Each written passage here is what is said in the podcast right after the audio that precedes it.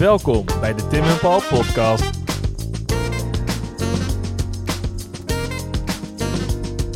Tim en Paul zitten vaak met hun neus in de boeken. Maar vandaag is Tim even de flegmatieke linksbuiten. En Paul de immer geblesseerde waterdrager van ons historische voetbalelftal. In de 19e eeuw was sport en spel vooral iets voor schooljongens uit de bovenste laag van de samenleving. De introductie van cricket, voetbal en hockey hebben we daarom vooral te danken aan Engelse fancy pen sportleraren. We spreken met dokter Jan Luitsen. Onlangs gepromoveerd op de geschiedenis van Engelse sporten in Nederland. Hopelijk krijgen we weer een mooie sportzomer, maar anders hebben we altijd nog de verhalen. Oh ja, blijf even luisteren, want we hebben weer iets te verloten.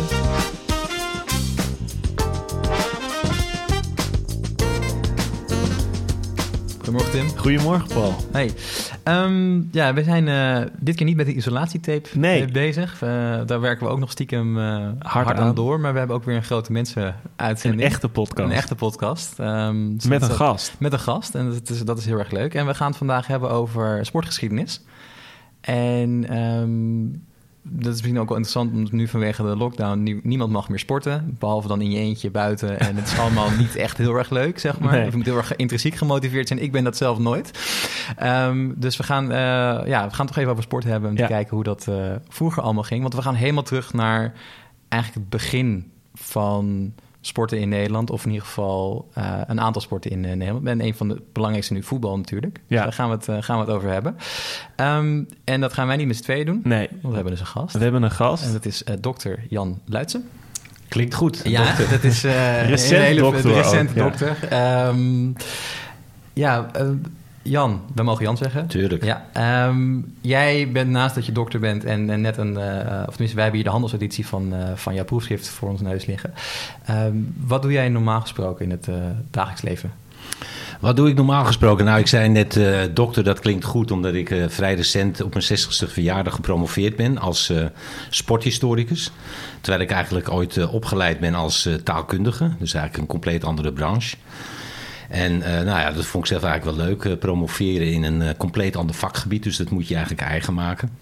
Maar ik heb taalkunde gestudeerd aan de Vrije Universiteit in Amsterdam. afgestudeerd in 86. Daarna heb ik een uh, een tijdje nog in militaire dienst gezeten. Daar ben ik uh, opgeleid tot uh, Russische krijgsgevangenenondervrager. In die goede oude tijd dat de Rus nog werd gezien als de vijand. Ja. Toen is China een tijdje in beeld geweest als potentiële vijand. Maar de Rus die is gewoon weer terug. Ja. Alleen ik ben inmiddels met pensioen als officier bij de inlichtingendienst. Um, daarna heb ik vijf jaar in het bedrijfsleven gezeten als verkoper van machines voor de voedselverwerkende industrie. En um, daarna heb ik na vijf jaar ontslag genomen, want ik wilde eigenlijk uh, kunstenaar worden. Kunstenaar uh, in de zin van schilder en schrijver. Dat heb ik ook een tijd gedaan, ook als uh, freelancer. En daarna ben ik in het onderwijs terechtgekomen bij de Hogeschool van Amsterdam. En daar werk ik bij de faculteit Bewegen, Sport en Voeding. Heel specifiek bij de opleiding Sportmanagement en Ondernemen. Dat heet tegenwoordig Sportkunde. En daar geef ik taal en daar ben ik afstudeercoördinator. En ja, en, en de laatste vijf jaar heb ik me bezig gehouden met een promotieonderzoek naar de introductie van de Engelse balsport in Nederland in de 19e eeuw. En dan specifiek cricket, voetbal. Want voetbal komt voort uit cricket, maar daar gaan we het straks over hebben. ja. En uh, lawn tennis. En dat speelt zich dan allemaal af zo rond uh, 1845 tot 1886. Dat was de rijkwijde van mijn onderzoek. Ja, want uh, dit is eigenlijk veel eerder dan, als het gaat over voetbal, veel eerder dan wat, uh, wat mensen dachten over het algemeen. Ja. Uh, maar ook, ik denk als mensen denken aan voetbal in Nederland, dat begint eigenlijk... Bij Telstar toch? Of niet? Telstar, hou op man. Ja, dat waarschijnlijk ja, Telstar-fan, dus iedereen denkt van zijn eigen club dat die de eerste was. Even, ja. Nou, echt niet. Of HFC Haarlem toch? Ja, HFC nou, Haarlem. Ik, ik, zat vooral te denken aan, uh, we gaan pas meedoen vanaf Kruif, zeg maar. Dat, uh, en, en, en daarvoor, uh, ja, dan ja, ja is, niet zo, is het niet zo heel veel. Ja, misschien als mensen uit Rotterdam nu heel erg beledigd. Maar... Ik, ik heb nog even misschien een, een andere vraag aan het begin, Paul, als ik mag. Tuurlijk, ja. Hoe ben je in vredesnaam op dit onderwerp terechtgekomen? Want het is, het is wel echt behoorlijk niche. toch? Nou, wat je, wat je net noemde is de Haarlemse voetbalclub. En, en, uh, Inmiddels dat... ter ziele gegaan, toch? Die, uh... Nee, nee, nee, nee, nee. Je hebt, de, de, uh, je hebt de, de HFC Haarlem, hè? Dus, dus zeg maar de FC Haarlem, laten we het zo noemen. Dat is die professionele sportvereniging geweest. En uh, die is inderdaad ter ziele gegaan. Maar je hebt ook nog de Koninklijke Haarlemse Voetbalclub. En dat is de oudste voetbalclub uh, in Nederland. Die, de, die, die nog steeds eigenlijk het, het predicaat als oudste heeft. Claimen altijd dat ze begonnen zijn in 1879. Maar als een van de, de dingen, uitkomsten van het onderzoek is gebleken dat ze eigenlijk pas begonnen zijn met voetbal in uh, 1882, 1883. En dat herkennen ze ook wel hoor. Alleen ja, het is een beetje ingewikkeld om dat maar ze zijn nu nog te formaliseren. Dan, maar dan toch opgericht in 79 of Nee hoor, nee, nee, nee. Nou ja, dat, dat, dat, dat zeggen ze, maar dat komt aan dat. Maar daarom kom ik nu ook op, het, op, op je vraag eigenlijk. Want hoe ben je op dat onderzoek gekomen? Um, een van de grondleggers van de Haarlemse voetbalclub, hè, dan laten we het jaartal even in het midden. Dat is uh, de sportpionier uh, Pim Millier. En uh, die als 16-jarige jongen was die uh, op het gymnasium uh, behoorlijk actief. En die, heeft een, die, die, die was aan het cricket en het voetballen met zijn vriendjes. En die heeft als volwassene heeft hij een aantal sportnaslagwerken geschreven. 1894, 1897 over voetbal en over cricket. En die heb ik gelezen. En daar kwamen eigenlijk een aantal ja, vrij essentiële vragen uh, uit naar voren. Als je dat ging vergelijken met archiefmateriaal. Dat je dacht van ja, wat hij zegt, dat zal waarschijnlijk wel kloppen. Want hij was erbij. Maar die data van hoe ze. Hij, hij goochelde met namen die, die, die verkeerd spelden. En, en wedstrijden die dan niet helemaal bleken te kloppen. Tijdstippen niet. En een van de uitkomsten van. En daar was ik door gefascineerd geraakt. Uh, een van de uitkomsten uit dat, dat eerste onderzoek bleek dat je dacht van ja, maar dat, hij, het lijkt wel alsof hij alles twee of drie jaar naar achter in de tijd geschoven heeft. En nou ja, dat, daar was ik door gefascineerd geraakt. Daar ging ik in. En, en toen heb ik in eerste instantie samen met een uh, compaan, Wim Sonneveld, een boekje of een uh, special geschreven voor Hart Gras over uh, de ontstaansgeschiedenis van het voetbal. Uh, complete special eraan gewijd. En dat, dat was ontzettend leuk. En daar heb ik uh, veel zijonderzoek gedaan. Ook naar, daar, daar, kwamen veel figuren uit naar voren die betrokken waren bij de kostschool Noordhei. En uh, nou, dat, dat, fascineerde me ook. Ik denk Noordhei, wat is dat dan, die kostschool? En eh, daar ben ik toen ook naar gekeken. En daar bleek een compleet archief van aanwezig in het Noord-Hollands Archief in Den Haag. Ah. En ehm, nou, daar ben ik ook ingedoken. En zo is dat onderzoek tot stand gekomen. Een cultuurhistorisch, cultuurhistorisch onderzoek naar de introductie van cricket, voetbal en lawn in Nederland. Met als casus die jongens kostschool Noordhei. Ja, voordat we, want dat is een heel. Want, uh, um, die school is dus enorm belangrijk voor die ontwikkeling van die, van die sport. Misschien moeten we dan even terug um, naar het van wanneer. Of die sporten die komen uit Engeland. Vanaf ja. wanneer wordt het daar al serieus als sport gezien voordat het overwaait naar, naar Nederland? Nou, je had in Engeland had je die, uh, heb, je, heb je al heel lang natuurlijk ook de public schools, hè, een soort uh, privé kostscholen. Het is altijd vreemd, toch? Want het, ze noemen het public school, ja, dus het is soort van openbaar, maar het is ja, echt ja. knijter elitair. Nee, daar heb je helemaal gelijk in. Dat, is, dat, uh, dat klinkt als uh, iets, iets, een soort openbare school wat wij in Nederland hebben, maar eigenlijk zijn het gewoon privé kostscholen. Dus over het algemeen ook voor de wat uh, beter gesitueerde jeugd, zullen we maar zeggen. Ja. Um, en la, laten we zeggen, tot het begin van de 19e eeuw uh, waren die teamsporten uh, in Engeland eigenlijk ook nog niet op die kostscholen aanwezig. Maar zo rond 1810, 1820 schijnt het op die public schools een behoorlijk wilde bedoeling te zijn geweest. Uh, met, met, met ongedisciplineerde jongelui, et cetera. En toen waren er in de steden en in de dorpen was er wel uh, cricket en voetbal. En toen werd daar voor het eerst eigenlijk, tenminste zo, zo is het verhaal, hè, werd op de kostschool rugby in, uh, in Engeland door de toenmalige directeur werd gedacht van nou, dat is die teamsport, dat is best een aardige manier om, om ook wat discipline aan te brengen. Die jongens die moeten dan samenwerken in een team. Uh, die moeten uh, nou, zorgen dat je als team opereert. En dat individuele en dat, dat, dat, dat, dat ruwe wat daarmee gepaard gaat, daar moeten we een beetje vanaf. Dus nou, dat werd redelijk succesvol gedaan vanaf zeg maar, het tweede kwart van de 19e eeuw, dus vanaf 1825, 1830. En wat je dan ziet is dat die jongenskostschool Noordhei, die is begonnen in 1820. En vanaf 1824 hadden ze native speaker docenten namens in dienst. Want die kostschool, dat was in Nederland ook voor elitaire jongeren. allemaal graven, baronnen die erop En zaten. die wilden allemaal natuurlijk gewoon Engels leren van een Engelsman, nou ja, dat, dat, was, dat, ja. was de vraag ook vanuit eh, de ouders. Hè. Dat, dat was die, die, die oprichter Peters de Raad, die stapte echt in een niche in de markt omdat er ehm, tot dan toe vooral Latijnse scholen waren. En dan werd je opgeleid voor eh, openbaar bestuur. En dan werd je opgeleid voor de universiteit. Maar die, die handelsfamilies in Nederland, de beter gesitueerde handelsfamilies, die zeiden: Ja, jongens, waar wij behoefte aan hebben, dat zijn gewoon praktische vakken. Dus eh, boekhouden, handelsrekenen, Ja. Engels, Frans, Duits. Nou, dat werd op Franse scholen hier en daar. Hè, dat was dan, Frans was toen de, de voertaal. Ehm, werd dat wel een beetje gegeven, maar nou ja, niet tot grote tevredenheid. Dus die Peters Raad die stapte echt in een niche in 1820. En die begon een enorme elitaire kostschool. Die had drie of vier jaar had hij rondgereisd in Europa om te verkennen hoe andere kostscholen dat deden. inspiratie opgedaan. zeg Ja, ja, en ja, gewoon eh, kijken van wat kan ik overnemen. Hij was ook vrij jong. Zijn vader die, eh, die runde zelf een kostschool. En eh, die vond dat gewoon belangrijk, dat die jongen, dat zijn zoon breed werd, werd opgeleid. En die vond het wel een goed idee dat hij een kostschool wilde beginnen in Nederland. Dus die zei van, nou ja, dan moet je wel weten wat je gaat doen. En die pa, die had dus kennelijk geld. En die stuurde die gast naar eh, Zwitserland, Frankrijk, Duitsland. En daar heeft hij alle toen toonaangevende kostscholen heeft hij bezocht. En wat hij daarvan meenam was vooral, omdat het in die hoek zat... eh, gymnastiek en turnachtige activiteiten. Dat, dat werd daar ook op die kostscholen gedaan. Dus die Peters de Raad dacht van, nou ja, als ik een kostschool begin... vind ik dat ze ook twee keer per dag een uur naar buiten moeten om, om te bewegen. En om sportief, hè, dus niet alleen maar een, eh, geen bleekneusjes eh, opkweken, hè, zeg maar, maar eh, een beetje fysiek goed in hun vel zittende jongeren. En die nam mee wat hij daar gezien had. Iets anders kende die niet of nauwelijks. Hij was wel in Engeland ook geweest, had misschien ook wel cricket en voetbal gezien, maar heeft dat toen in ieder geval niet meegenomen.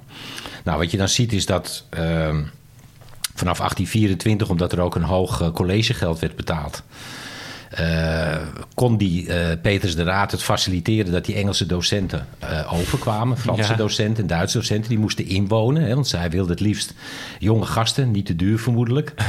die geen verplichtingen hadden, dus niet getrouwd, geen, ja. geen kinderen. En dan engageerde die ze voor een, eh, nou ja, een jaar of drie, vier, vijf. Dat is een beetje de gemiddelde periode dat zo'n docent daar woonde. En die vonden dat waarschijnlijk ook wel een spannend overzeese avontuur. Ja. Inwonen op zo'n kostschool. En ehm, nou, dan zie je dat daar die docenten zijn. En dan ehm, vanaf 1845, dat is dan de eerste Engelse docent... die dan ziet dat daar... ehm, ehm, nou ja, zeg maar handelingsvrijheid is op die kostschool.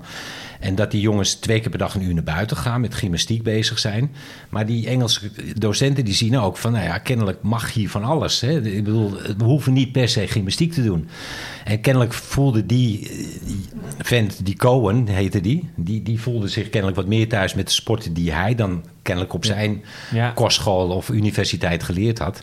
En bij zijn volgende bezoek in Engeland dacht hij van, nou, ik neem uh, achter in de postkoets een uh, cricketsetje mee. Ja. En uh, die, zei, die zei waarschijnlijk, wat deden jongens nou? We gaan nou wat anders doen in de pauze. Ze klaar met rekken en strekken en, uh, en gymnastiek. Ja, en ter afwisseling. Want die jongens, er stonden gewoon gymnastiektoestellen buiten op de speelplaats.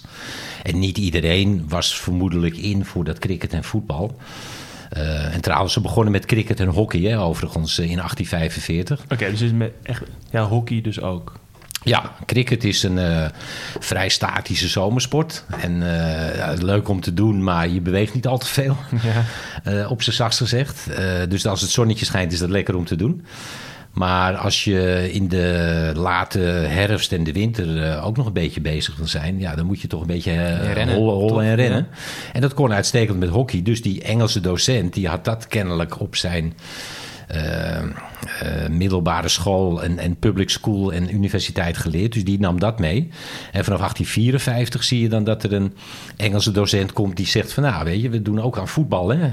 Of die komt uit een omgeving waar dat voetbal interessanter was of, of vaker werd gedaan. En die nam voetbal mee. Is dat nog ook vanuit, misschien is het te ver van uh, uh, waar we nu over hebben, maar is dat nog dan soort van regionaal in Engeland geweest? Dat je denkt van, nou ja, voetbal is echt iets typisch wat uit het noorden komt, of hockey is juist iets wat uh, in Cornwall wordt, werd ja. gespeeld of iets. Is dit daar nog... Nou, dat is een interessante. Van als ik het hele onderzoek over zou moeten doen, zou ik me daar eerst beter op georiënteerd hebben.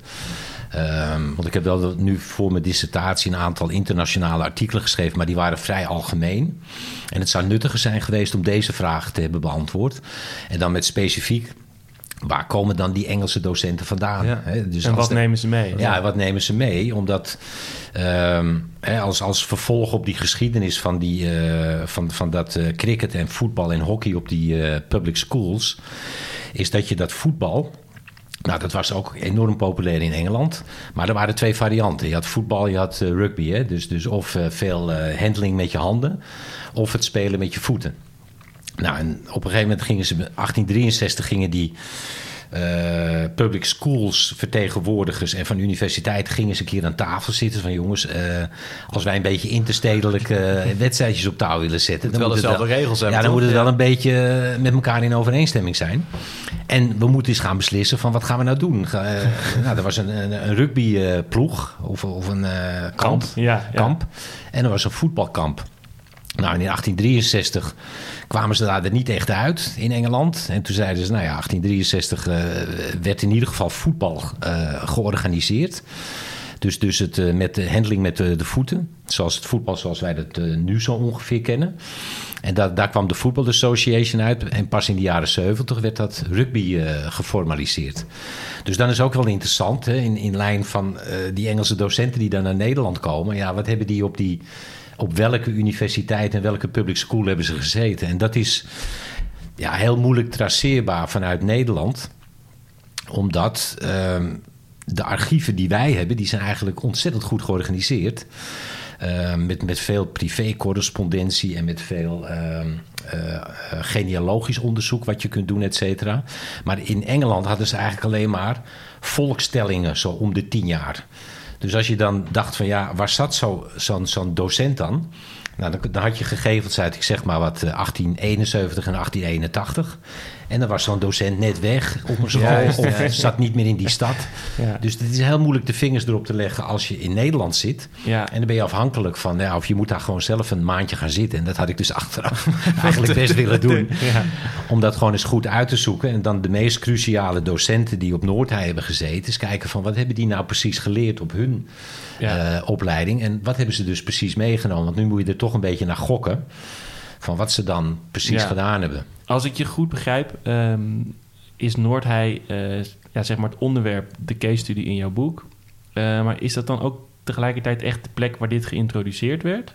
Of was het niet op andere plekken dat ook dus een verdwaalde Engelsman met een bal aan het spelen was? Of, Nou, je, de- de- de- het is een interessante vraag. Je moet, het moet wel aan een aantal voorwaarden voldoen. Hè? Dus, dus er moet inderdaad een Engelse docent zijn. Er moet echt een, een, Engelsman zijn om het voor te doen. Ja, er zal toch wel ooit een keer eerder iemand tegen een bal getrapt hebben in Nederland, zeg maar. Maar dat is, Ja. betekent nog niet dat het, eh, Dit spel is. dat het een Nee, spel is. nee, precies. Nou, nee, goed, je hebt materiaal nodig. Hè? Dus ook voor hockey, et cetera. Iemand moet wat, wat regels kennen. In ieder geval een soort spel neerleggen en zeggen van... nou, dit is wat we gaan doen. Die moet het enthousiasmeren. En op zo'n kostschool, dat is toch niet onbelangrijk. Bij, bij, bij was dat in ieder geval zo. Er moet een soort internationaal georiënteerde cultuur zijn. Hè? Dat ze dus daar open voor staan en zeggen van... oké, we hebben Duits eh, gymnastiek en turnen... maar Engelse cultuur, prima als dat er ook bij komt. Hè? Ja. Ik bedoel, eh, dus er moet wel vrijheid van handelen zijn. Want je ziet dat er is ook een kostschool eh, in Vianen geweest. Ergens tussen 1856 en 1865. Dus een beetje een vergelijkbare periode. Daar was ook een Engelse docent. Daar was een directeur. Die was ook een voorstander van sport en spel op school.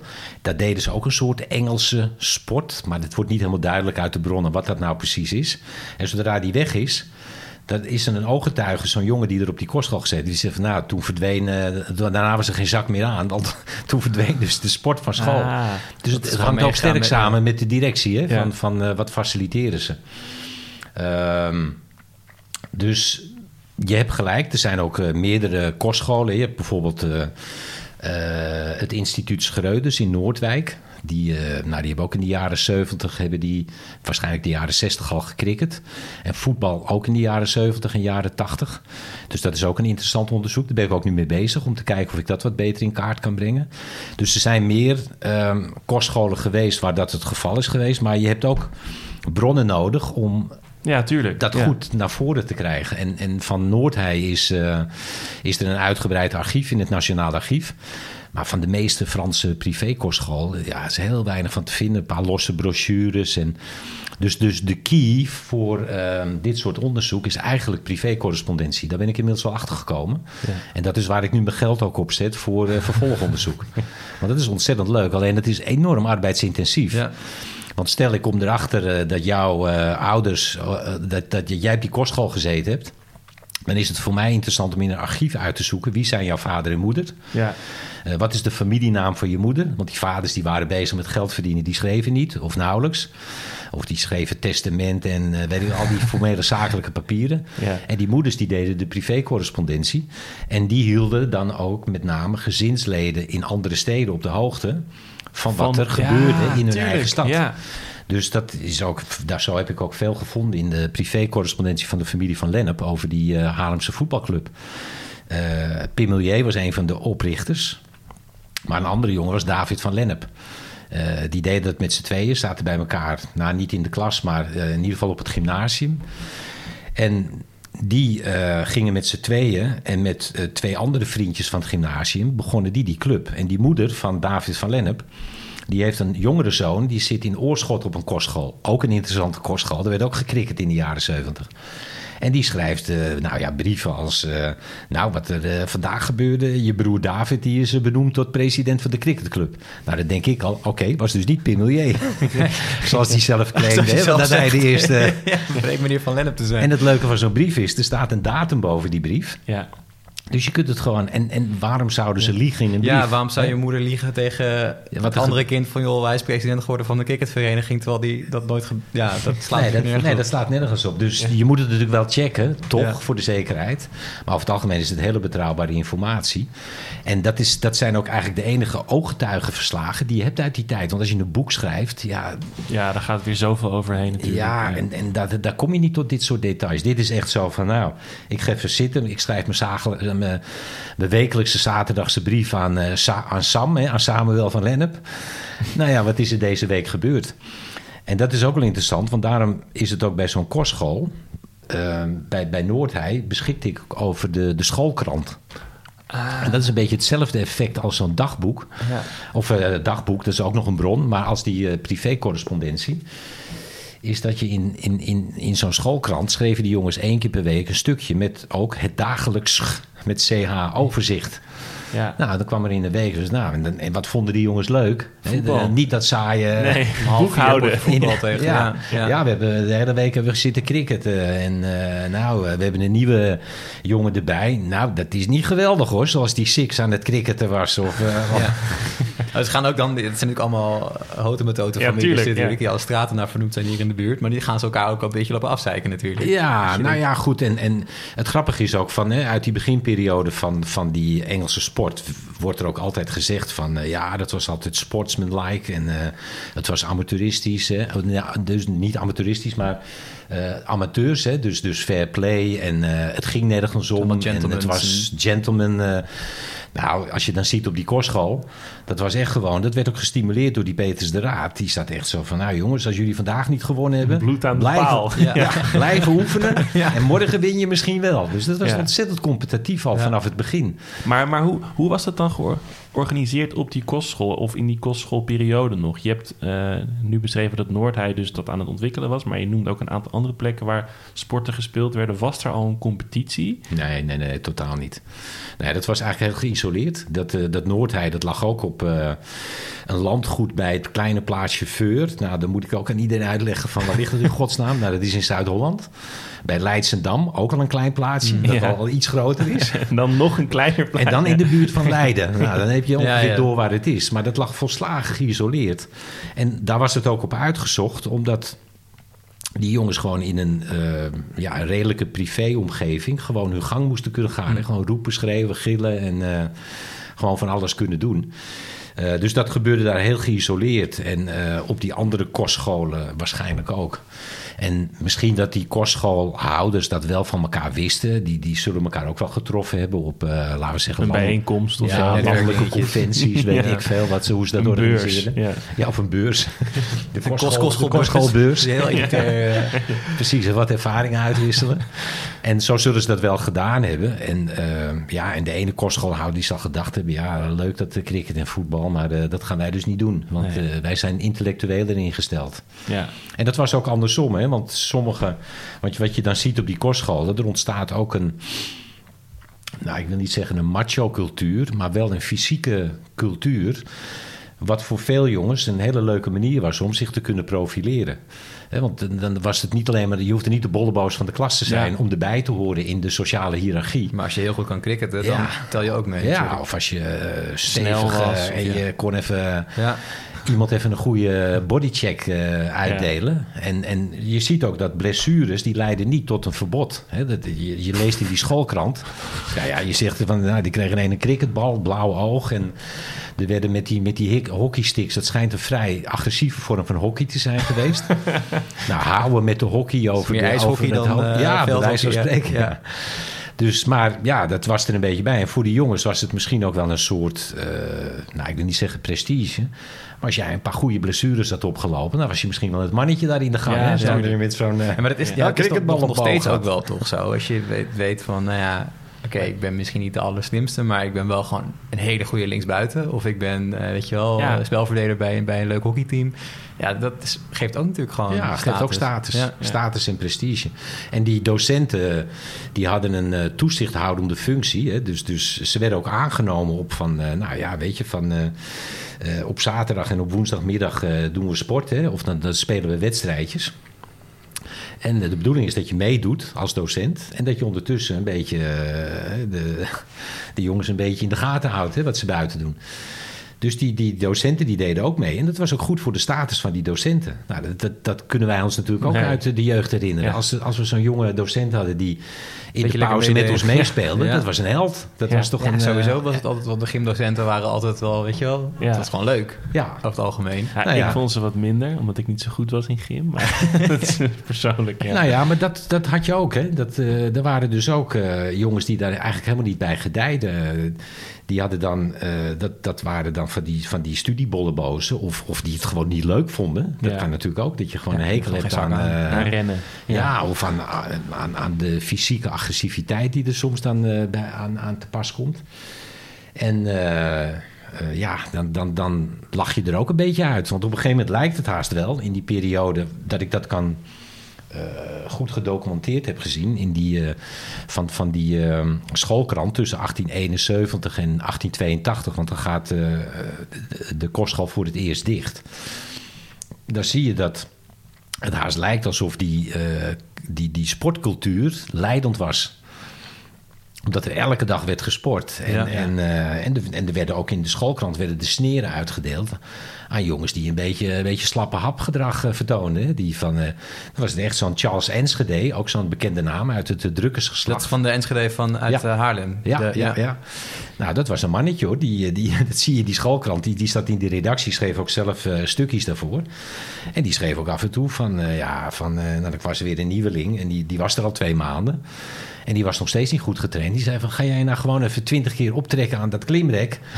Want dan kom je en als je dat gewoon dagelijks doet, dan hoor je er ook bij. Hè? Ja. Nou, zo, zo ging dat. eh. Wauw. Maar Maar, ja. enorme eh, sport, ja, cultuur. Maar, van- maar ja. werd dan ook, je zei dat eh, het, het, het sportieve ding leidend werd. Was het dan ook zo dat zeg maar, die, ehm, die, die scholen zelf dan veel meer hun prestige ontleenden aan de, de sportieve capaciteiten van de leerlingen Nou, ten opzichte van de academische? Of hoe moet je dat zien? nou, dat ja, dat is wel een goede vraag. Want in mijn enthousiasme overdrijf ik het ook misschien niet. Als, als, als, Want ja, voor die Peters de Raad was het natuurlijk uiteindelijk... moest hij gewoon aan de elite moest die jongens afleveren... die gewoon... Directeur van een stoomvaartmaatschappij. eh, ja, en dat hij leidde even iets zo... te noemen. Ja, ze, ze werden opgeleid voor hoge functies in het eh, publieke leven. En of dat nou in de handel was of eh, in het bestuur. Dus dat was natuurlijk de belangrijkste kant van de kostschool. Alleen, het had wel een prominente rol. En voor die jongens onderling en ook met die docenten... ja, speelde dat echt wel een rol. Ja. En je, ik heb ook in, eh, in het verhaal een, een, een voorbeeld opgenomen van dat ook wel ehm, de onderlinge, hoe moet je dat zeggen, sociale rangorde tussen die jongens, dat werd soms ook uitgevochten via de sport.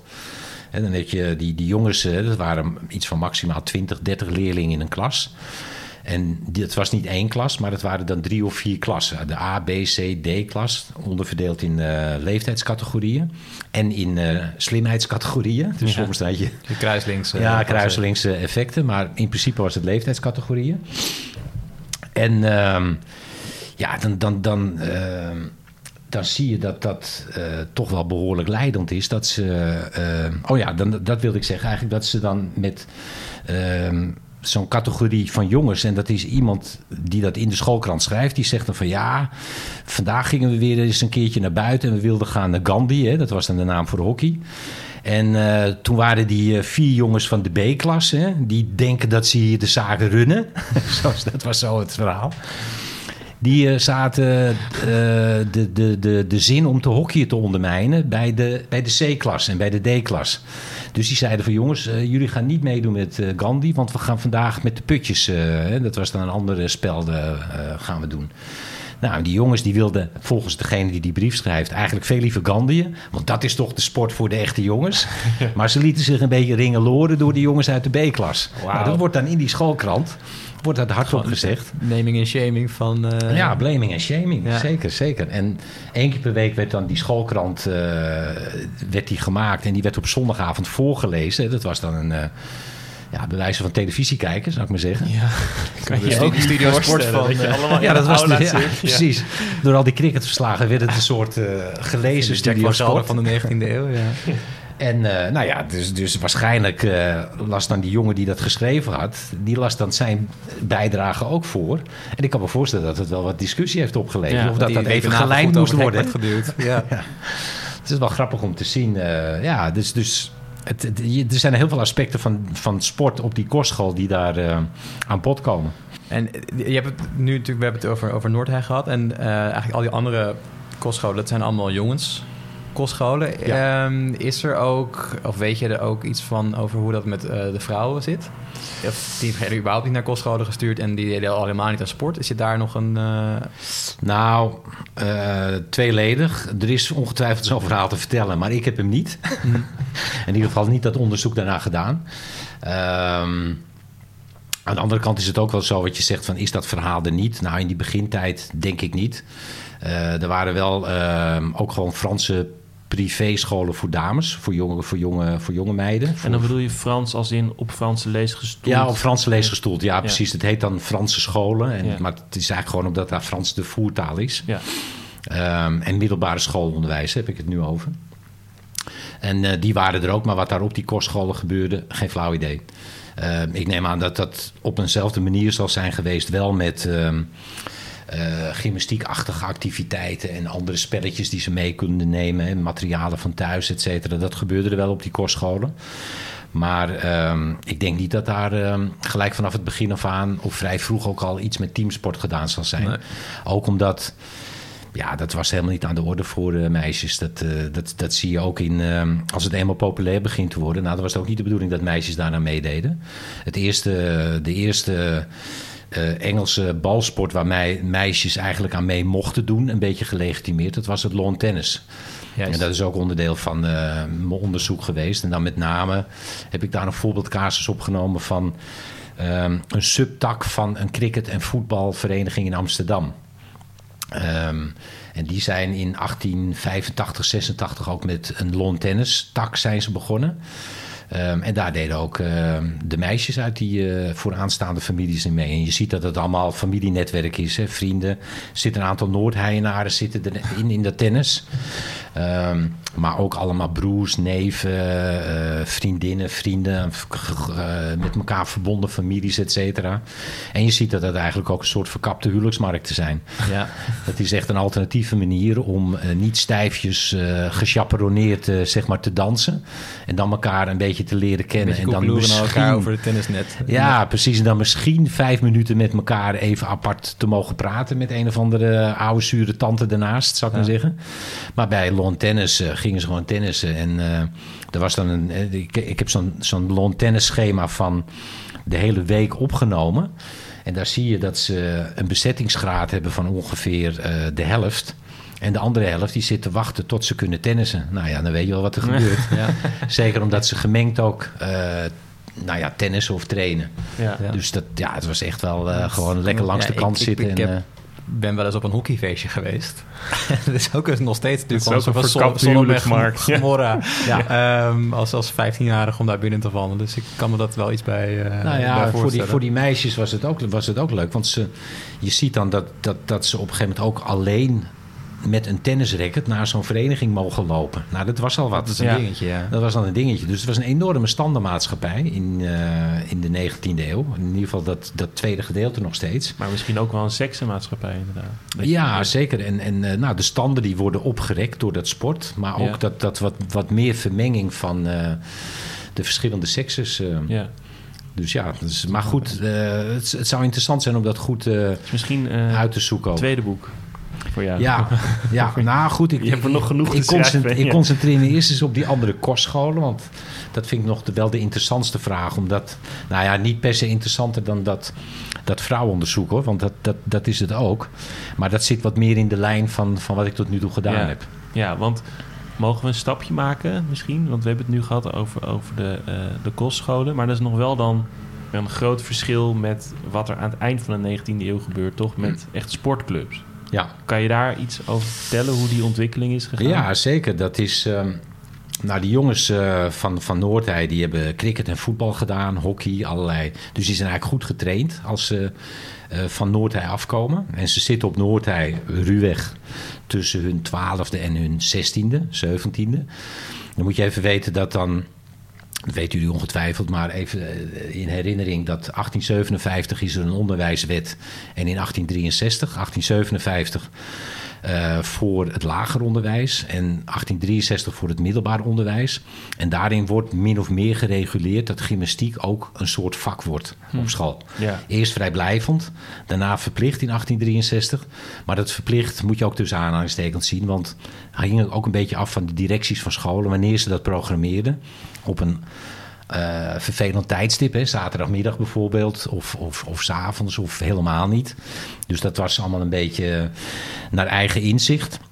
Maar hoe dan ook, die jeugd van Noordhei, na die onderwijswet, dan heb je ook de eh, HBS die gesticht is, gymnasia, als voortgang van de Latijnse scholen.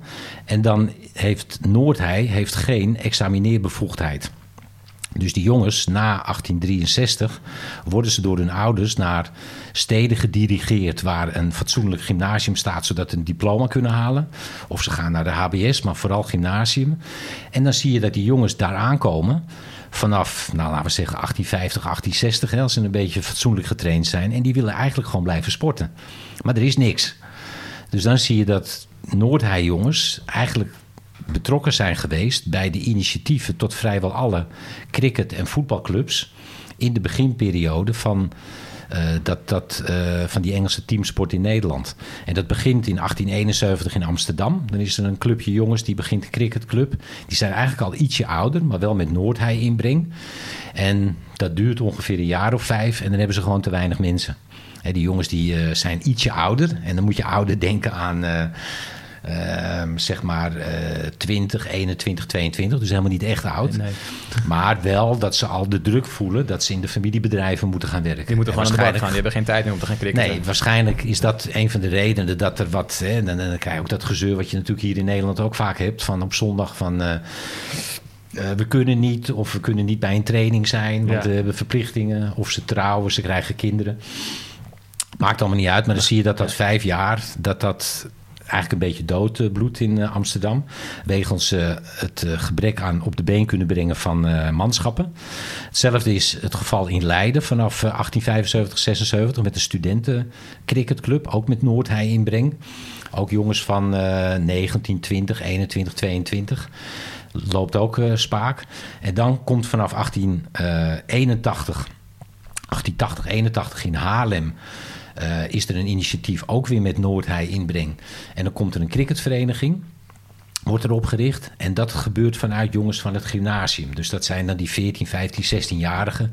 Met Pim en met, eh, nou ja, er zijn verschillende cricketverenigingetjes in Haarlem. En dan zie je dat het als een olievlek over het land zich heen verspreidt. Ook onder invloed van Engeland als voorbeeldland. Hè, dat is dan hot and happening.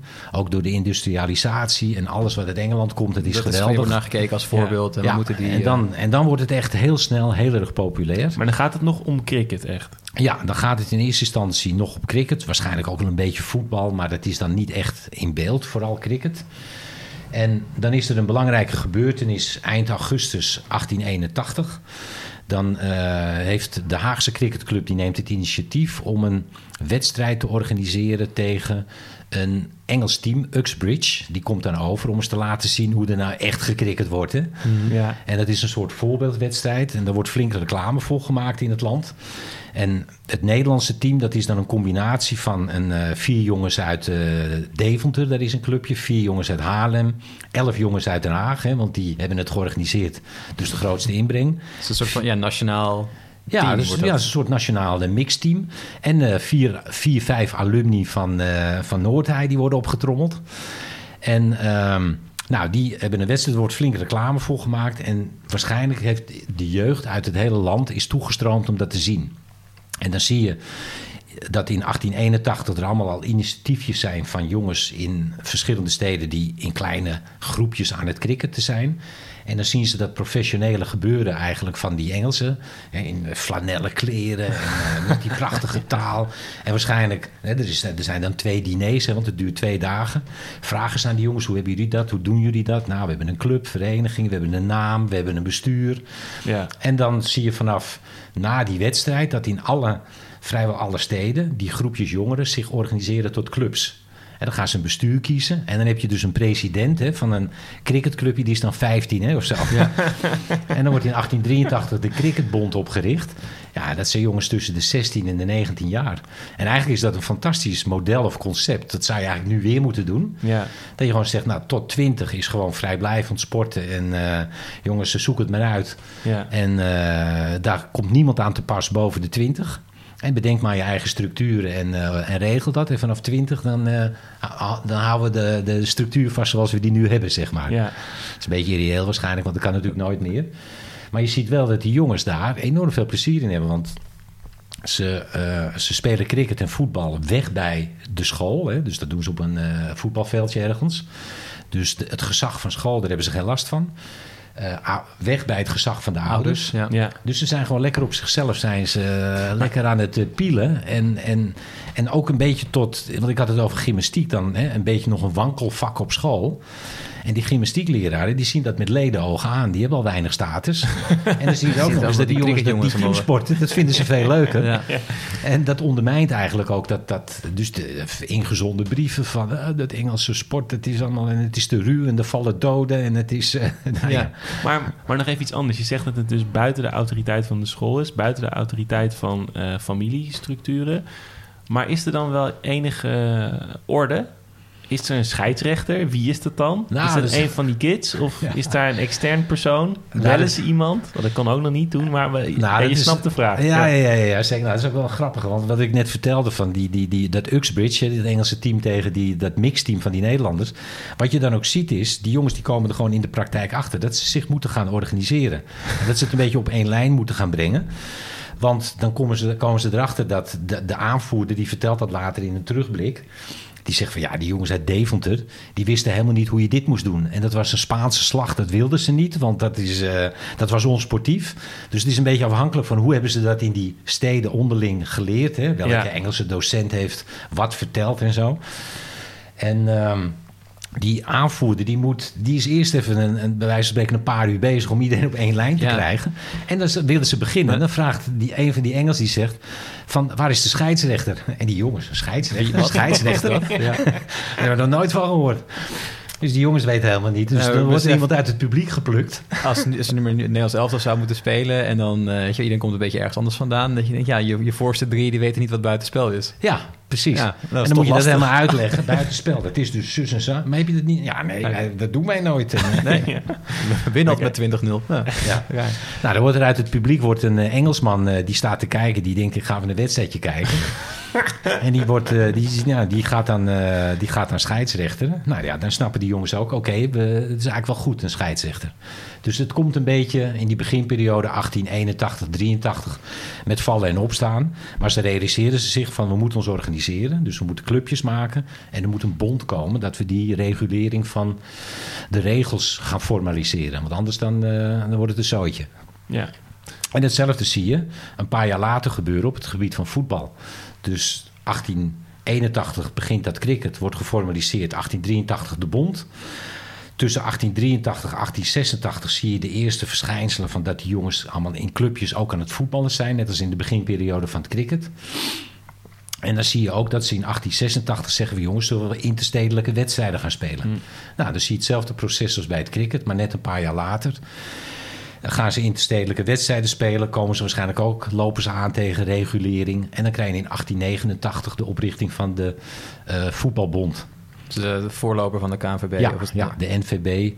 En daar zit dan ook nog touwtrekken bij, geloof ik. En atletiek. En, nou, nog- maar goed. ja, dat ook weer een soort even. Maar, zeg maar ook de, de eh, vroege Olympische Spelen. Dus je denkt, ja, daar zit ook zeg maar poëzie bij en, en eh, Ja. beeldhouden en dat soort dingen. Ja. Dus een totaal andere opvatting Ja. van... eh, Ja, 1928 heeft, eh, hoe heet hij ook alweer, eh, Wi- Wils, geloof ik. Dat is die architect. Die heeft goud gewonnen bij de Olympische Spelen... voor het ontwerp van het Olympisch Stadion. Ja, nou ja, dat is toch top. Ja, dat is fantastisch. Het is een mooi en, eh, stadion. Israëls met een schilderij, eh, de Rode Ruiter, geloof ik. Die won eh, goud in de afdeling schilderkunst. dus- Ja, dus dan, het zouden, dan zouden wij ook eh, bij de Olympische Spelen nog eh, Precies een kans maken, ja. de prijs kunnen Het is winnen. gewoon totaal logisch dat er dan touwtrekken bij de KNVB eh, eh, Ja. gaat horen. Nou ja, dat, ja, precies. Dat is ook weer een beetje afhankelijk van wie er dan bij betrokken zijn op dat moment. En, en op een gegeven moment wordt het allemaal wel weer uitgesplitst. Maar, maar zo zie je dat het gaat met vallen en opstaan tussen 1880 en 1890. En dan vanaf 1890 zie je dat die sporten eigenlijk echt groot beginnen te worden. En dan met name het voetbal. Ja, want dat is wel iets interessants. Daar wilde ik nog, nog iets over vragen. We hebben het de hele tijd over cricket. En cricket lijkt dus de, de wegbereider te zijn geweest voor het voetbal. Ja. Maar wat is dan de aantrekkingskracht of de factor waarom voetbal nu echt zeg maar, de Nederlandse volkssport is en niet cricket? Nou ja, wat je, wat je ziet gebeuren is dat... Kijk, eigenlijk was dezelfde groep jongens... die was wel betrokken bij het cricket en bij het voetbal. Hè? Want zomersport, wintersport. Dus het was eigenlijk logisch dat diezelfde jongens... ook dat voetbal gingen doorontwikkelen. Maar uiteindelijk... Ze hebben eigenlijk altijd geldgebrek, want die jongens die moesten het zelf organiseren. Want ze komen wel uit betere families, maar die families die steunden dat echt niet. Die zeiden, jongens, jullie willen voetballen, dan, dan regel je dat maar. Jullie willen zo nodig dat doen. En ze zochten ook allemaal sponsoren. Hè? Dus een familielid die dan een gulden eh, per jaar stortte in de kas. Nou, we zijn heel blij, want dan konden ze weer cricketbeds kopen, komen, eh, kopen en ballen en weet ik het wat allemaal. Dus het is een continu geldgebrek. En op het moment dat die zaak wat meer georganiseerd begint te raken, komen ze erachter dat het een leuke sport is om naar te kijken, dat voetbal met name. Cricket is toch wat statisch. het duurt ook vreselijk lang, Het duurt toch? ook vreselijk lang. Dus dat voetbal had aantrekkingskracht. Nou, ze gingen wat, wat, wat eh entree heffen. En er kwam gewoon veel publiek. Dus dat, dat, dat voetbal dat- dat, dat werd gewoon ook snel populairder. Ja. En dat werd een En verdienmodelletje. natuurlijk minder kosten, want je hebt jouw schoenen nodig. Precies. En één bal, maar bij een cricket... En twee netten, Paul. Twee netten, Twee zeker, netten, ja. ja. ja. En misschien een fluitje voor de scheids. maar voor cricket, om eh, voor een, een cricketteam uit te, uit te dossen... heb je toch behoorlijk wat spullen nodig, toch? Ja, ja, klopt. Nee, het was inderdaad ook uh, op dat gebied was het een, een eh, stick nodig. een geldfactor, zeker. En je ziet dan dat, ja, weet je, veel van die jongens uit de betere klassen... die werden ook opgeleid voor eh, bestuursfuncties in Indië, Nederlands-Indië. Mhm. En een, een deel van het hart uit die eh, teamsport wordt dan weggenomen door jongens die dan uitgezonden worden hè, aan het eind van de 19e eeuw, begin 20e eeuw. En dat had op de cricketteams met name een groter effect dan op het voetbal, omdat de aantrekkingskracht voor het voetbal groter was. Die hadden minder moeite vanaf 1890. Ja, die hadden meer aanwas nieuwe- natuurlijk, Ja, ja. meer aanwas. Ja. En ehm, ja, zo, zo, zo, zo. Ik denk dat dat een van de redenen is dat dat eh, cricket langzamerhand wat kleiner werd. En, en ja, toch minder bij de volksaard paste kennelijk. Ja. In ieder geval bij eh, het gewone volk wat er dan bij komt. Hè. En tussen aanhalingstekens, hè, want ik stam er zelf ook uit. Maar het gewone volk van in ieder geval niet de elite, laat ik het zo zeggen. Maar het is ook wel wat je zegt, dat, je, aanwas. dat, dat gaat dan mee naar... eh, Of is die jongens gaan dan naar, naar Nederlands-Indië. Maar dat is voor die Engels natuurlijk ook. En, en hockey en cricket in India en Sri Lanka, dat is echt... Ja, is, bizar hoeveel Ja. mensen dat... eh, ik ben een keer in Sri Lanka geweest. Nou, elke avond Ja. cricket. Urenlang cricket op tv. Het is echt niet normaal. Nee, dat eh, klopt. En, en het, ja, kennelijk heeft het ook wel iets met de volksaard dus kennelijk van doen. Ehm, want ik bedoel, je kunt ook weer niet zeggen van dat cricket dan alleen maar daarom kleiner is geworden. Want ik bedoel, als ze dat echt een fantastische sport hadden Dan gevonden... gaan mensen en het wel doen. dan ga je er toch eh, zorgen dat er aanwas genoeg is. En, ja, dus, dus, maar goed, ook daar weer vervolgonderzoek. Ja, ja. genoeg te doen. Ja. Alles waar we de antwoorden niet op weten, onderzoek. Ja. En is er dan, want je zei net ook, eh, ja, er is eh, een enorme waardering voor de Engelse cultuur, cultuur eigenlijk in de laat 19e eeuw. Ehm, met industrialisatie natuurlijk ook, het soort van Engeland op dat moment natuurlijk het grootste rijk, eh, eh, of Groot-Brittannië het grootste rijk ter wereld. Maar op een gegeven moment, en misschien is het ook weer een beetje te ver van de, van de bedshow, maar er is eh, op een gegeven moment breekt de pleuris uit in Zuid-Afrika. We hebben een boerenoorlog en ik weet toevallig dat er dan in Nederland, ja, er wordt toch minder sympathiek gekeken naar de Engelsen, omdat zij dan vinden dat de boeren in Zuid-Afrika min of meer Nederlands zijn en de Engelsen natuurlijk de grote vijand zijn. Merk je daar iets ook dan in, in sport dat mensen denken van nou die Engelse sporten zijn toch wat eh, Ja, ja, zeker. minder? Dan hebben we het echt over eind 19e eeuw, begin 20e eeuw. Ja, nou, je ziet dat eigenlijk al vanaf eh, het moment dat die sporten wat eh, populairder worden, dan met name het voetbal. Kijk, rond 1886 zijn er dan wel interstedelijke wedstrijdjes eh, met voetbal, maar het grootste deel van het publiek, of eigenlijk het, complete publiek, weet totaal niet hoe die sport in elkaar steekt. Er is wel die verbinding die ze dan leggen met Engels, hè, dat weten ze dan wel. En dan komen er al snel ingezonde brieven waarin er gerefereerd wordt aan dat het eh, een gevaarlijke sport is. Daar zal ik zoiets over zeggen. Maar ook kritische dat ze zeggen van nou ja jongens, we kijken allemaal naar het Engelse. Maar dan komen die nationalistische gevoelens ook hè, vanuit het, een beetje het purisme. Allemaal die jongens die allemaal Engelse termen aan het schrijven zijn. Van eh doe even normaal. Ja. We kunnen ook daar Nederlandse equivalenten voor bedenken. Ja, dat heb ik gelezen. Hè, dus in het is niet alleen maar dat, ja. dat Zuid-Afrika. Ja. hè, Dus, dus zeg maar eh, de, de, de cultuur die veroordeeld wordt, maar ook de uitingen daarvan. Ja. ja, want wij noemen een keeper een keper. Ja, Maar Hens. Hens. Hens. Ja. Eh, ja, je hebt heel veel van die terminologie. En ze doen ook wel pogingen hoor in het begin om.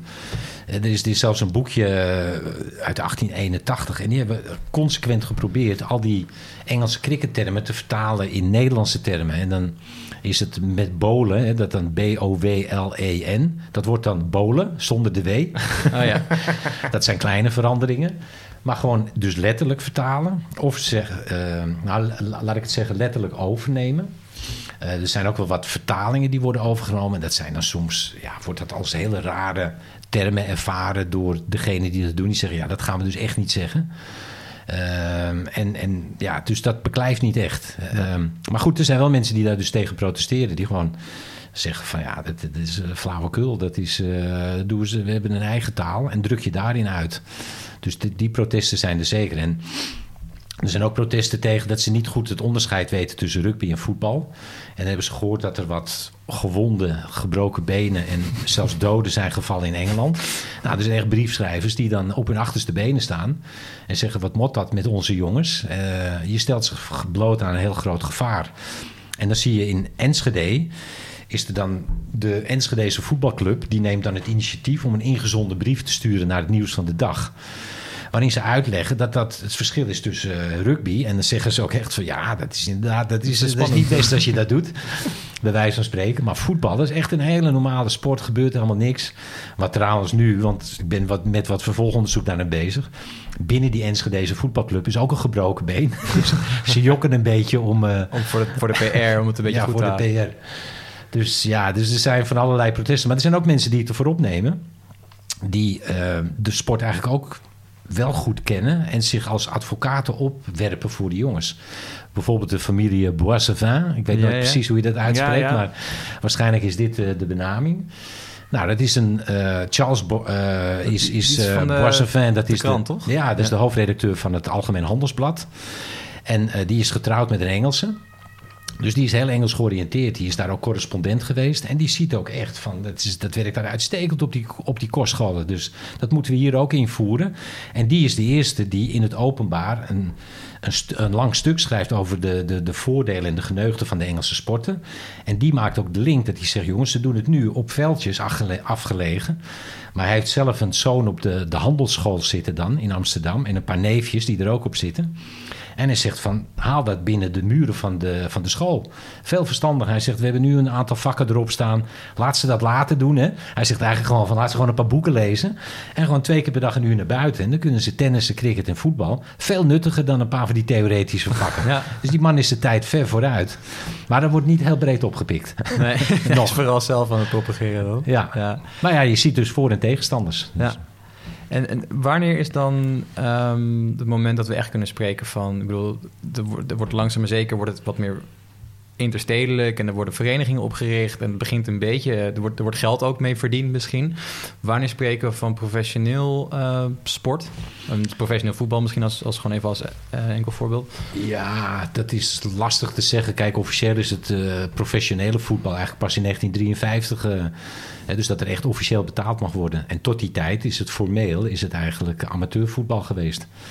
Dus dat is een. eh, Maar dat was ook rekbaar begrip, toch? ja, zeker was dat een rekbaar begrip. Tuurlijk, eh, de, de, de, Dat is Eh, nog, nog steeds bij amateurvoetbal, toch? Dat ja, die- zeker. Nee, maar dat was voor die. dat je in nee, de- maar goed, de dat, is- dat, is, van- dat is de ja. formele scheiding. Maar ja, Vaas Wilkes, hè, de, de grote uit de jaren 30, 40 en De- de- 50, echt de eerste, ja. Ja, die werd ook aangeboden van, eh, om eh, zeg maar eh, de financiering van een sigarenwinkeltje tot stand te brengen. Als ze dan de overstap maakten van de ene club naar de andere club. Dus dat geld verdienen, dat, dat gebeurde wel. Ehm, Maar het was niet dat je gewoon salaris kreeg van Nee. de NV Ajax. nee, nee, nee, nee, nee, nee. Dat, is, dat is echt pas vanaf eh, 1953 officieel. En eh, zelfs dan was het ook nog maar een beetje. Hè, want de professioneel, als je het dan over Ajax hebt. Toen pas vanaf dat Rinus Michels daar kwam, 1964, 65, zo ongeveer die periode. Toen waren die jongens ook nog gewoon van dat ze een halve dag per week trainen. Dan kregen ze een beetje geld, een heel, heel klein contractje van de club. En ze moesten echt er gewoon bij werken. Het is toch dat- dat- en Michels die was de eerste die zei van jongens, we gaan fulltime trainen.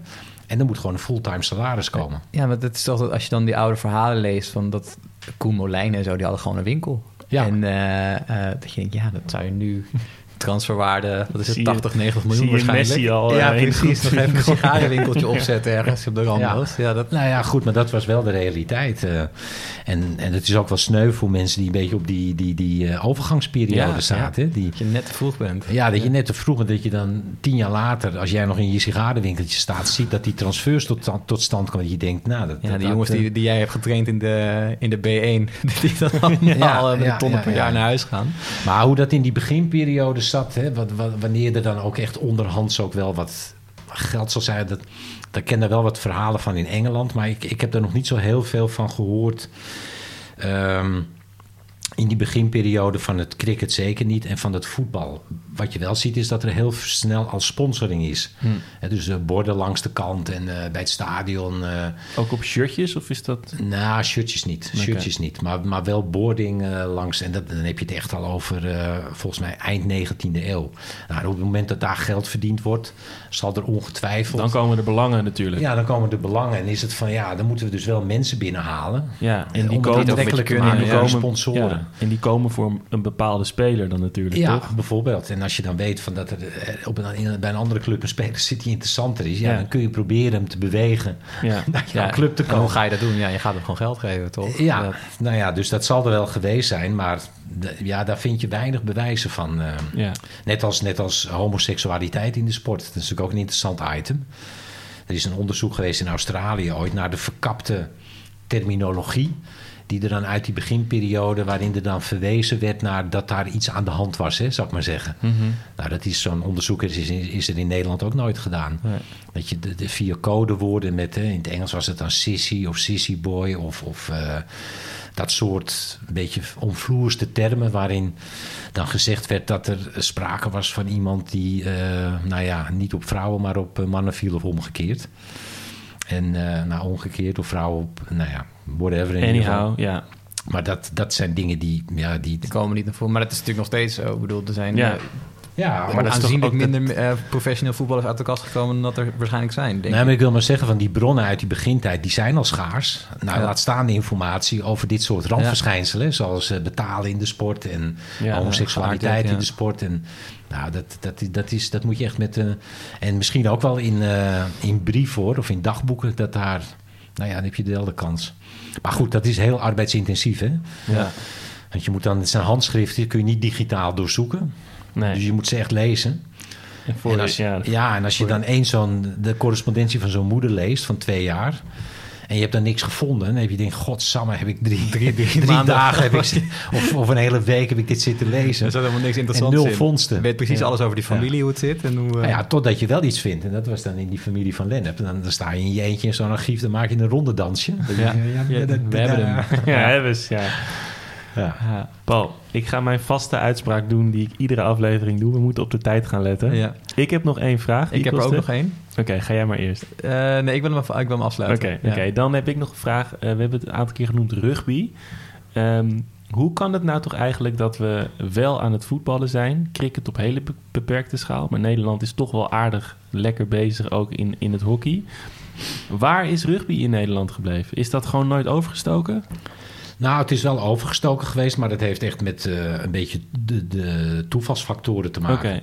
Zoals nog een keer terugkomend op die Haarlemse voetbalclub. Die zijn begonnen in oktober, november 1881 met rugby. En dat is op zich wel leuk, want, en dat is ook gewoon toeval, die Pim Milieu, die was met zijn clubje aan het cricketen. En die had in de advertentie had hij, eh, gewoon wat materialen zien staan, waaronder een rugbybal. Dus die heeft dat besteld in Engeland, want het, in Nederland was dat niet te krijgen. Het is een hele pragmatisch begin van een sport. een heel, pra- ja, en een heel toevallig, pragmatisch begin van Engelse sport. Tenminste, een andere vorm. En die kwam heel trots kwam hij een rugbybal laten zien met een reglementsboekje erbij. En die gingen rugbyen. En dat hebben ze een jaar gedaan of zoiets. Toen grepen de ouders in. Want die ouders die... eh, die, die, eh, die zagen al die, die blauwe plekken en vingers. nou ja, en vooral ook gescheurde kleren. Dus, oh, dus, eh, ja, kost geld. ja, dat was een aanslag op het kledingbudget. En toen ging Pim die ging op een gegeven moment naar Engeland. En die, eh, die ging daar op kostschool. Het was ook een beetje de hart uit dat voetbal bij de Haarlemse voetbalclub. En die kwam een eh, halfjaartje later voor vakantie terug. Die nam toen een bal mee. Want dat had hij daar gezien. Hij dacht nou, dat is wat, eh, wat, wat functioneler. En dat vinden de ouders misschien wel prima. Want toen was hij 17. Dus stond hij ook nog steeds onder het gezag van zijn burgemeestervader. En toen gingen ze voetballen. Ja, en dat is het enige bekende voorbeeld wat ik weet van jongens die gerugbied hebben in de beginperiode. Oké. Dus ja, dan moeten er echt belangstellenden later zijn geweest. Dus, Maar misschien ja. ook weer die docenten op die kostscholen, toch? Dat Ja. die dat dan ook min- minder interessant Ja, en het vonden. zou best kunnen, wat jullie in het begin ook al suggereerden, van dat het misschien ook een andere kostschool geweest is, Ja, waar een docent rugby meenam. Nou ja, Ja. dat moeten we dan nog zien te vinden. Ja, ja ik bedoel, er wordt wel, zeg maar, op universiteiten wordt er nog steeds wel in Nederland... eh, dus er zijn wel rugbyverenigingen in Nederland natuurlijk. maar ja zeker. Er is zijn er wel een aantal, maar dat is natuurlijk nooit de schaal van, Nee, van het voetbal. niet. En, en, ook niet en van ik, hockey. ja, precies. En ik verbaas me dan inderdaad, heb ik ook wel een aantal keer gevraagd, maar dat je dan ziet dat één van die sporten in Nederland, en dat zal natuurlijk ook wereldwijd zo, zo gegaan zijn, want je kan voetbal denk ik ook niet, de schaal van voetbal niet vergelijken met bijvoorbeeld cricket of eh, hockey op wereldniveau. Maar dat er dan eentje dan, dat daar alle sterren goed staan en dat dat dan Ja. de knaller wordt of zo. Daar, Ja. daar verbaasde ik me dan over in het Nou ja, maar het is, het, het is echt, denk ik, ook echt puur een, eh, hoe moet je dat zeggen, een lokale overdrachtssituatie. Waarin het de kans krijgt om te groeien en te bloeien of niet. Ja, In, in, in België in 1863 stapte een Ierse jongen ergens een kostschool binnen met een voetbal onder zijn arm. En daar beginnen ze met voetbal en niet met cricket. ja. Was hij met een cricketset komen aanlopen, Dan was dan was er eerst cricket geweest. En dan was het ook wel gekomen, maar op een op een andere manier. Ja. ja, dus dat gaat Ja. elk land moet zijn eigen cultuurhistorie wat dat betreft gewoon in kaart brengen. En dan zie je wel dezelfde grote lijnen, maar je ziet ook accenten. En, Ja. Eh, Ja. Ja, mijn, eh, mijn vraag. We hadden het een ehm, tijd geleden over die, die wedstrijd. Die eerste internationale wedstrijd tussen de jongens van Uxbridge en het eh samengeraapt Nederlands elftal. Maar we hebben het niet over de uitslag gehad. dus ik ben benieuwd eh, hoe erg dat Nederlands elftal was ingemaakt. zeggen, wat denk je zelf? ja, ik denk dat er één winnaar is. En, eh, Ja, die Engelsen die hebben ze echt weggespeeld. Echt Ja. weggespeeld. Ik, ik weet niet meer eens precies de uitslag, maar het waren beschamende cijfers. Zeg maar iets van eh, 114 runs om eh 13 of zoiets. En, eh, de, en de jongens die die, die, die die runs scoorden aan de Nederlandse kant, dat waren ook de helden van de dag. Hè? Ja. En een van die, eh, jongens die eh, het grootste aantal runs scoorden, dat was een Noordhei-jongen. Dus dat was natuurlijk Oh, die kwam natuurlijk daar, die kwam natuurlijk weer terug op school en het was helemaal... Ja, ja, ja. ja. Nee, dus die, die zijn echt weggespeeld. En er was in zo'n Engelse krant, ik heb daar een verslag van gelezen. Nou, er werd echt ook een beetje met tong in cheek eh, op zijn Engels... werd daar eh, redelijk eh, denigrerend over geschreven van... nou, we hebben ze wel een poepie laten ruiken. Ja. Daar, daar kwam het op neer. En het niveau, nou, dat was echt lachwekkend. en ook in de Nederlandse kant van... jongens, dit kan toch niet? We moeten hier echt we weer zo'n wedstrijd beter gaan voor de doen... dag komen. moeten we beter voor de dag komen. Laten we wat meer Friese erin stoppen. Dat is iemand die... Ja. iemand met een... Want dat, Zijn nou ja, wat goed. sterker, ja. Ja, grote jongens uit het noorden die mee, eh, Ja, die ja, mee ja, ja. moeten. Alright, ja. Ehm, Ja, volgens mij zijn we rond. we zijn rond, dankjewel. Nou, graag gedaan. Ja. Het is een leuk gesprek. Allemaal leuk zo'n podcast. kopen. Ja. Oh, ja, zeker. Zullen we nog even de titel eh, Ja. noemen? Ehm, We kunnen er ook wel weer eentje, eentje floten onder kunnen we zeker onder doen. Ja, dat gaan we ook zeker doen. Ehm Vivat, Vivat Noordhei. Ik weet niet of ik het zo goed... eh, Ja, Vivat, leven, leven Noordheim. Leven Leven Noordhei. Een cultuurhistorisch onderzoek naar de introductie van cricket, voetbal en lawntennis in, eh, in Nederland. Te krijgen in de winkel voor slechts 1995. Gebonden, vol met foto's. 350 bladzijden. Joh, wat krijg je allemaal? Plezier, ja. alles. Ja, top. Hartelijk dank. Graag gedaan. Leuk.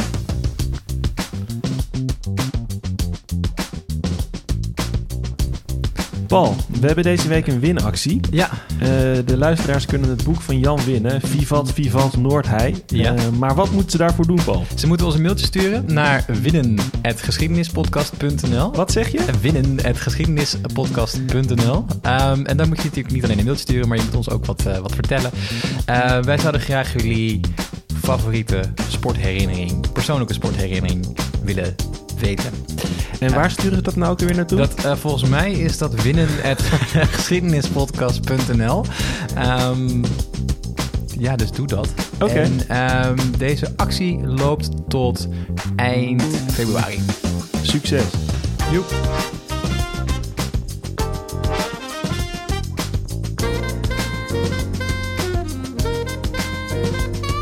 Vond jij dit nou een interessant verhaal en wil je meer over geschiedenis weten? Hou dan onze Instagram in de gaten. We zouden het ook heel leuk vinden als je een recensie achterlaat. Vijf sterren, mag gewoon. En heb je nou een vet idee waar we het over kunnen hebben? Slide dan in onze DM's. Durf gewoon te vragen. Tot de volgende. Groetjes thuis.